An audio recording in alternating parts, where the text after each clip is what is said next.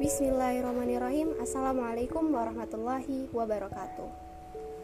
Ketemu lagi di podcast Sahabat Surga. Sebenarnya ini podcast pertama Dan di podcast pertama ini uh, Aku bakal ngebahas tentang Tokoh muslim yang sangat bersejarah uh, Dan beliau ini termasuk yang aku favoritin juga Di antara tokoh-tokoh muslim yang lainnya. Beliau adalah Hasan Albana Pendiri Ikhwanul Muslimin um, pencipta zikir pagi dan petang al surat kalian pasti tahu ya. Nah itu kebetulan Hasan al Badani yang membuatnya. Dan selengkapnya aku bakal ngebahas ini setelah ini. Terima kasih terus dengerin ya. thank you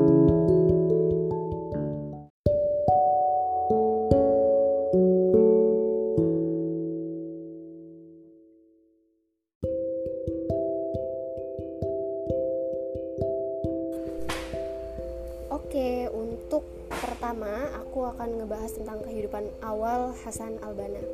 Hasan Albana dilahirkan pada bulan Oktober tahun 1906. Jadi tanggalnya belum diketahui ya.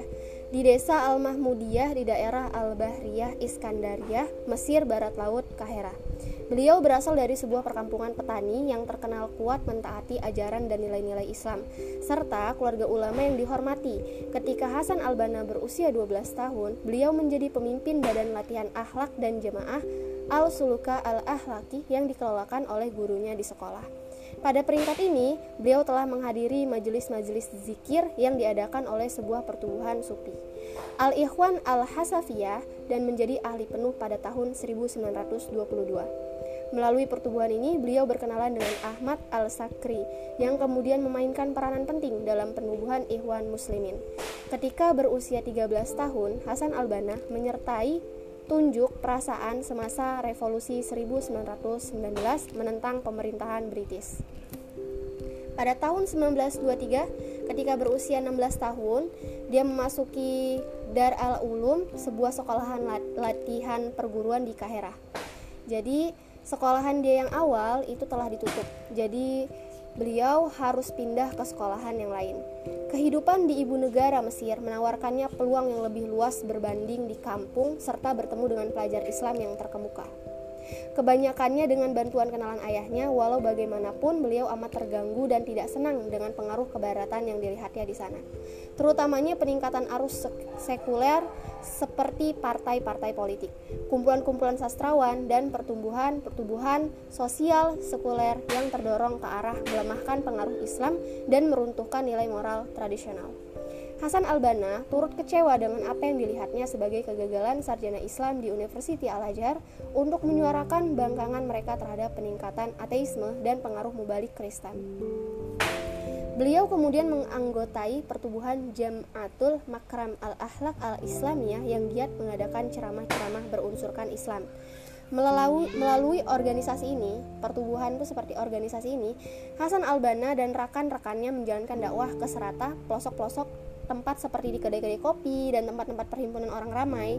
Pada peringkat inilah beliau bertemu dengan e, bertemu dan mengadakan hubungan dengan tokoh-tokoh Islam terkenal seperti Muhibbuddin Al-Khatib, Muhammad Rashid Reda, Farid Waddi dan lain-lainnya.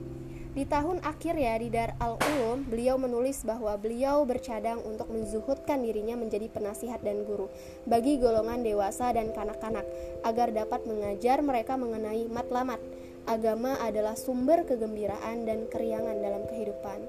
Beliau mendapat ijazah pada tahun 1927 dan diberikan jawatan sebagai guru bahasa Arab di sekolah rendah kebangsaan di, Is di Ismailiyah, sebuah bandar yang terletak di zon terusan Suez.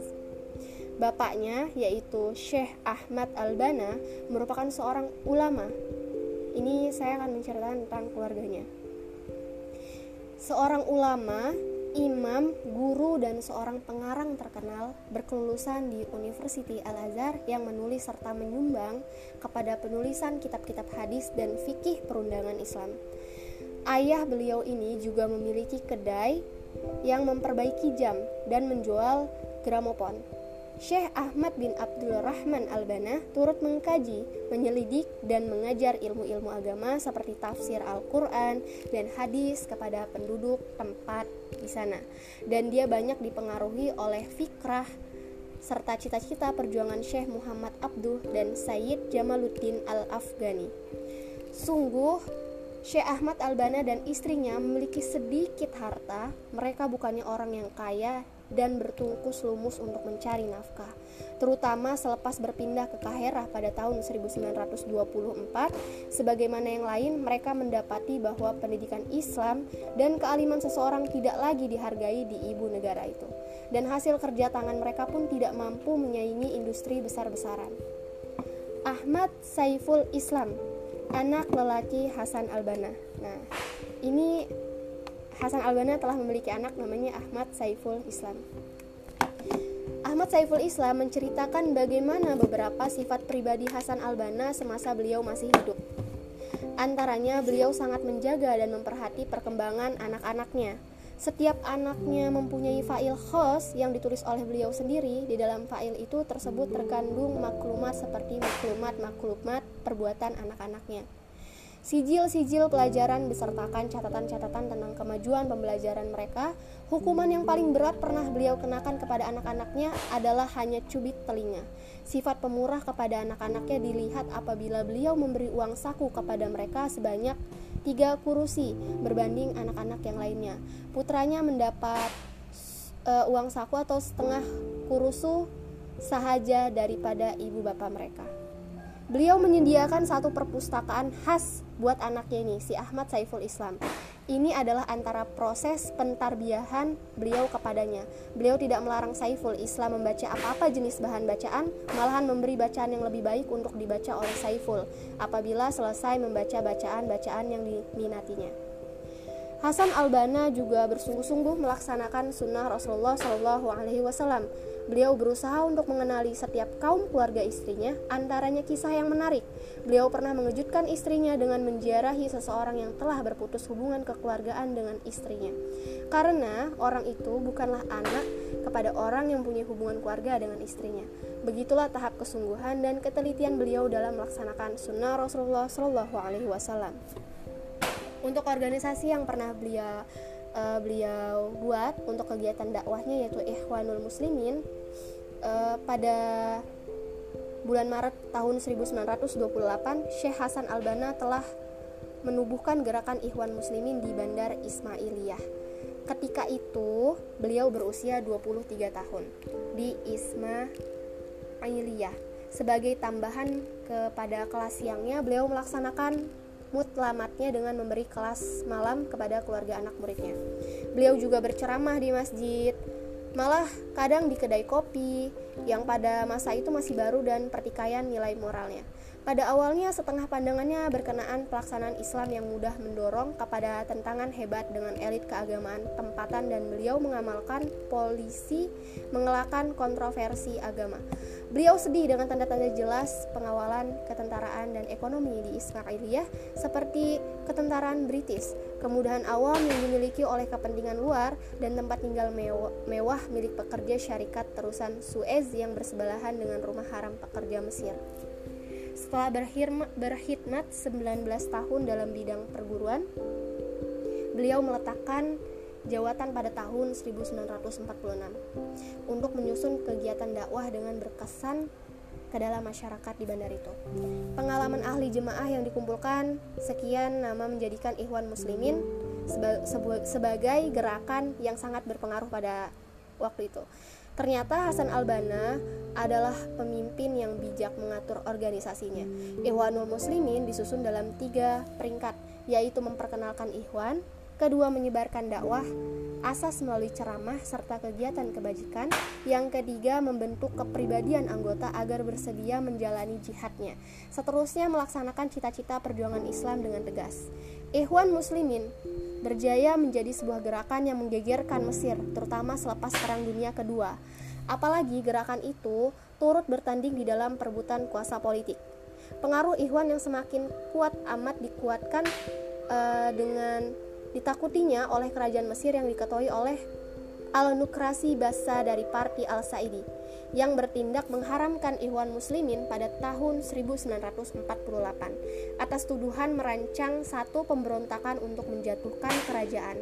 Sungguh pun begitu Hasan Albana tidak ditahan dan beliau coba uh, upaya untuk menyelamatkan organisasinya itu Ikhwanul Muslimin.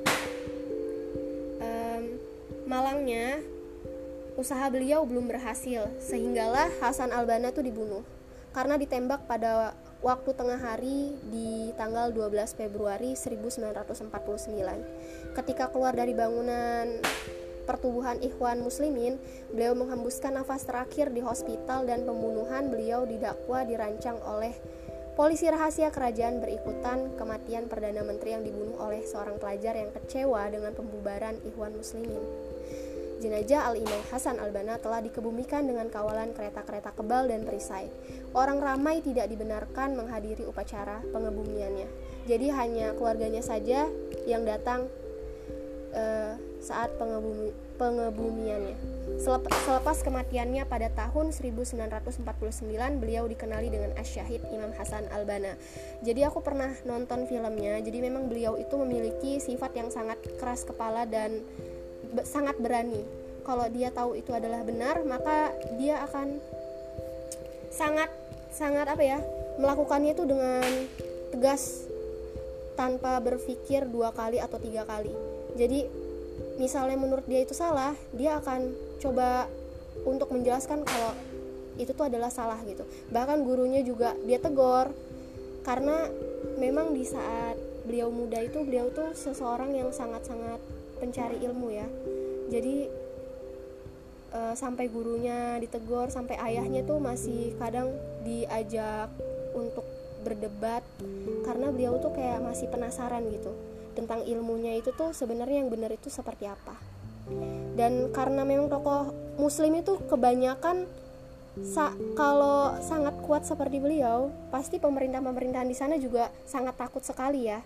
Makanya sampai membunuh beliau oke sekian uh, penjelasan tentang Hasan Albana semoga bermanfaat uh, untuk kalian saya akhiri, wassalamualaikum warahmatullahi wabarakatuh.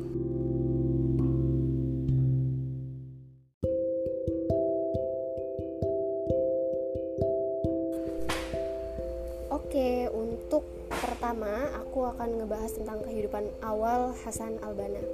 Hasan Albana dilahirkan pada bulan Oktober tahun 1906. Jadi tanggalnya belum diketahui ya di desa Al-Mahmudiyah di daerah Al-Bahriyah, Iskandaria, Mesir Barat Laut, Kahera. Beliau berasal dari sebuah perkampungan petani yang terkenal kuat mentaati ajaran dan nilai-nilai Islam, serta keluarga ulama yang dihormati. Ketika Hasan Al-Banna berusia 12 tahun, beliau menjadi pemimpin badan latihan akhlak dan jemaah Al-Suluka Al-Ahlaki yang dikelolakan oleh gurunya di sekolah. Pada peringkat ini, beliau telah menghadiri majelis-majelis zikir yang diadakan oleh sebuah pertumbuhan sufi. Al-Ikhwan Al-Hasafiyah dan menjadi ahli penuh pada tahun 1922. Melalui pertumbuhan ini, beliau berkenalan dengan Ahmad Al-Sakri yang kemudian memainkan peranan penting dalam penubuhan Ikhwan Muslimin. Ketika berusia 13 tahun, Hasan Al-Banna menyertai tunjuk perasaan semasa revolusi 1919 menentang pemerintahan British. Pada tahun 1923, ketika berusia 16 tahun, dia memasuki Dar al-Ulum, sebuah sekolahan latihan perguruan di Kahera. Jadi, sekolahan dia yang awal itu telah ditutup. Jadi, beliau harus pindah ke sekolahan yang lain. Kehidupan di ibu negara Mesir menawarkannya peluang yang lebih luas berbanding di kampung serta bertemu dengan pelajar Islam yang terkemuka. Kebanyakannya dengan bantuan kenalan ayahnya, walau bagaimanapun beliau amat terganggu dan tidak senang dengan pengaruh kebaratan yang dilihatnya di sana.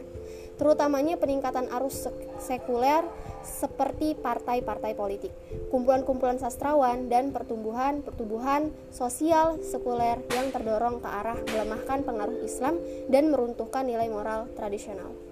Hasan Albana turut kecewa dengan apa yang dilihatnya sebagai kegagalan sarjana Islam di University Al-Azhar untuk menyuarakan bangkangan mereka terhadap peningkatan ateisme dan pengaruh mubalik Kristen. Beliau kemudian menganggotai pertubuhan Jam'atul Makram Al-Ahlak Al-Islamiyah yang giat mengadakan ceramah-ceramah berunsurkan Islam. Melalui, melalui organisasi ini, pertubuhan itu seperti organisasi ini, Hasan Albana dan rekan-rekannya menjalankan dakwah ke serata pelosok-pelosok tempat seperti di kedai-kedai kopi dan tempat-tempat perhimpunan orang ramai. Pada peringkat inilah beliau bertemu dengan e, bertemu dan mengadakan hubungan dengan tokoh-tokoh Islam terkenal seperti Muhibbuddin Al-Khatib, Muhammad Rashid Reda, Farid Waddi dan lain-lainnya. Di tahun akhir ya di Dar al-Ulum, beliau menulis bahwa beliau bercadang untuk menzuhudkan dirinya menjadi penasihat dan guru bagi golongan dewasa dan kanak-kanak agar dapat mengajar mereka mengenai matlamat. Agama adalah sumber kegembiraan dan keriangan dalam kehidupan. Beliau mendapat ijazah pada tahun 1927 dan diberikan jawatan sebagai guru bahasa Arab di sekolah rendah kebangsaan di, Is di Ismailiyah sebuah bandar yang terletak di zon terusan Suez. Bapaknya, yaitu Syekh Ahmad Albana, merupakan seorang ulama. Ini saya akan menceritakan tentang keluarganya. Seorang ulama, imam, guru, dan seorang pengarang terkenal berkelulusan di University Al-Azhar yang menulis serta menyumbang kepada penulisan kitab-kitab hadis dan fikih perundangan Islam. Ayah beliau ini juga memiliki kedai yang memperbaiki jam dan menjual gramopon. Syekh Ahmad bin Abdul Rahman Al-Bana turut mengkaji, menyelidik, dan mengajar ilmu-ilmu agama seperti tafsir Al-Quran dan hadis kepada penduduk tempat di sana. Dan dia banyak dipengaruhi oleh fikrah serta cita-cita perjuangan Syekh Muhammad Abduh dan Sayyid Jamaluddin Al-Afghani. Sungguh, Syekh Ahmad Albana dan istrinya memiliki sedikit harta. Mereka bukannya orang yang kaya dan bertungkus lumus untuk mencari nafkah. Terutama selepas berpindah ke Kaherah pada tahun 1924, sebagaimana yang lain, mereka mendapati bahwa pendidikan Islam dan kealiman seseorang tidak lagi dihargai di ibu negara itu. Dan hasil kerja tangan mereka pun tidak mampu menyaingi industri besar-besaran. Ahmad Saiful Islam anak lelaki Hasan Albana. Nah, ini Hasan Albana telah memiliki anak namanya Ahmad Saiful Islam. Ahmad Saiful Islam menceritakan bagaimana beberapa sifat pribadi Hasan Albana semasa beliau masih hidup. Antaranya, beliau sangat menjaga dan memperhati perkembangan anak-anaknya, setiap anaknya mempunyai file khos yang ditulis oleh beliau sendiri. Di dalam file itu tersebut terkandung maklumat seperti maklumat-maklumat perbuatan anak-anaknya. Sijil-sijil pelajaran besertakan catatan-catatan tentang kemajuan pembelajaran mereka. Hukuman yang paling berat pernah beliau kenakan kepada anak-anaknya adalah hanya cubit telinga. Sifat pemurah kepada anak-anaknya dilihat apabila beliau memberi uang saku kepada mereka sebanyak tiga kurusi berbanding anak-anak yang lainnya. Putranya mendapat uh, uang saku atau setengah kurusu sahaja daripada ibu bapak mereka. Beliau menyediakan satu perpustakaan khas buat anaknya ini, si Ahmad Saiful Islam. Ini adalah antara proses pentarbiahan beliau kepadanya. Beliau tidak melarang Saiful Islam membaca apa-apa jenis bahan bacaan, malahan memberi bacaan yang lebih baik untuk dibaca oleh Saiful apabila selesai membaca bacaan-bacaan yang diminatinya. Hasan Albana juga bersungguh-sungguh melaksanakan sunnah Rasulullah Shallallahu Alaihi Wasallam Beliau berusaha untuk mengenali setiap kaum keluarga istrinya, antaranya kisah yang menarik. Beliau pernah mengejutkan istrinya dengan menziarahi seseorang yang telah berputus hubungan kekeluargaan dengan istrinya. Karena orang itu bukanlah anak kepada orang yang punya hubungan keluarga dengan istrinya. Begitulah tahap kesungguhan dan ketelitian beliau dalam melaksanakan sunnah Rasulullah Shallallahu Alaihi Wasallam. Untuk organisasi yang pernah beliau uh, beliau buat untuk kegiatan dakwahnya yaitu Ikhwanul Muslimin uh, pada bulan Maret tahun 1928 Syekh Hasan Albana telah menubuhkan gerakan Ikhwan Muslimin di Bandar Ismailiyah. Ketika itu beliau berusia 23 tahun di Ismailiyah. Sebagai tambahan kepada kelas siangnya, beliau melaksanakan mutlamatnya dengan memberi kelas malam kepada keluarga anak muridnya. Beliau juga berceramah di masjid, malah kadang di kedai kopi yang pada masa itu masih baru dan pertikaian nilai moralnya. Pada awalnya setengah pandangannya berkenaan pelaksanaan Islam yang mudah mendorong kepada tentangan hebat dengan elit keagamaan tempatan dan beliau mengamalkan polisi mengelakkan kontroversi agama. Beliau sedih dengan tanda-tanda jelas pengawalan ketentaraan dan ekonomi di Ismailiyah seperti ketentaraan British, kemudahan awam yang dimiliki oleh kepentingan luar dan tempat tinggal mewah, milik pekerja syarikat terusan Suez yang bersebelahan dengan rumah haram pekerja Mesir.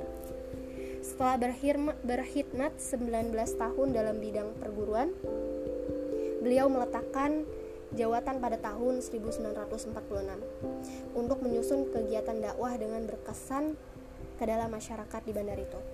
Pengalaman ahli jemaah yang dikumpulkan sekian nama menjadikan Ikhwan Muslimin sebagai gerakan yang sangat berpengaruh pada waktu itu. Ternyata Hasan Albana adalah pemimpin yang bijak mengatur organisasinya. Ikhwanul Muslimin disusun dalam tiga peringkat, yaitu memperkenalkan Ikhwan, kedua menyebarkan dakwah, asas melalui ceramah serta kegiatan kebajikan, yang ketiga membentuk kepribadian anggota agar bersedia menjalani jihadnya, seterusnya melaksanakan cita-cita perjuangan Islam dengan tegas. Ikhwan Muslimin berjaya menjadi sebuah gerakan yang menggegerkan Mesir, terutama selepas Perang Dunia Kedua. Apalagi gerakan itu turut bertanding di dalam perebutan kuasa politik. Pengaruh Ikhwan yang semakin kuat amat dikuatkan uh, dengan ditakutinya oleh kerajaan Mesir yang diketuai oleh Al-Nukrasi Basa dari Parti Al-Saidi yang bertindak mengharamkan Ikhwan Muslimin pada tahun 1948 atas tuduhan merancang satu pemberontakan untuk menjatuhkan kerajaan. Sungguh pun begitu Hasan Albana tidak ditahan dan beliau coba uh, upaya untuk menyelamatkan organisasinya itu Ikhwanul Muslimin. Um, malangnya usaha beliau belum berhasil sehinggalah Hasan Albana itu dibunuh karena ditembak pada waktu tengah hari di tanggal 12 Februari 1949. Ketika keluar dari bangunan pertubuhan Ikhwan Muslimin, beliau menghembuskan nafas terakhir di hospital dan pembunuhan beliau didakwa dirancang oleh polisi rahasia kerajaan berikutan kematian Perdana Menteri yang dibunuh oleh seorang pelajar yang kecewa dengan pembubaran Ikhwan Muslimin. Jenazah Al-Imam Hasan Al-Banna telah dikebumikan dengan kawalan kereta-kereta kebal dan perisai. Orang ramai tidak dibenarkan menghadiri upacara pengebumiannya. Jadi hanya keluarganya saja yang datang uh, saat pengebumi, pengebumiannya. Selepas kematiannya pada tahun 1949, beliau dikenali dengan Asyahid Imam Hasan Al-Banna. Jadi aku pernah nonton filmnya. Jadi memang beliau itu memiliki sifat yang sangat keras kepala dan sangat berani. Kalau dia tahu itu adalah benar maka dia akan sangat sangat apa ya melakukannya itu dengan tegas tanpa berpikir dua kali atau tiga kali. Jadi misalnya menurut dia itu salah dia akan coba untuk menjelaskan kalau itu tuh adalah salah gitu. Bahkan gurunya juga dia tegur karena memang di saat beliau muda itu beliau tuh seseorang yang sangat-sangat pencari ilmu ya. Jadi uh, sampai gurunya ditegur sampai ayahnya tuh masih kadang diajak untuk berdebat karena beliau tuh kayak masih penasaran gitu tentang ilmunya itu tuh sebenarnya yang benar itu seperti apa. Dan karena memang tokoh muslim itu kebanyakan sa kalau sangat kuat seperti beliau pasti pemerintah pemerintahan di sana juga sangat takut sekali ya. Makanya sampai membunuh beliau. Oke, sekian uh, penjelasan tentang Hasan Albana. Semoga bermanfaat uh, untuk kalian. Saya akhiri. Wassalamualaikum warahmatullahi wabarakatuh.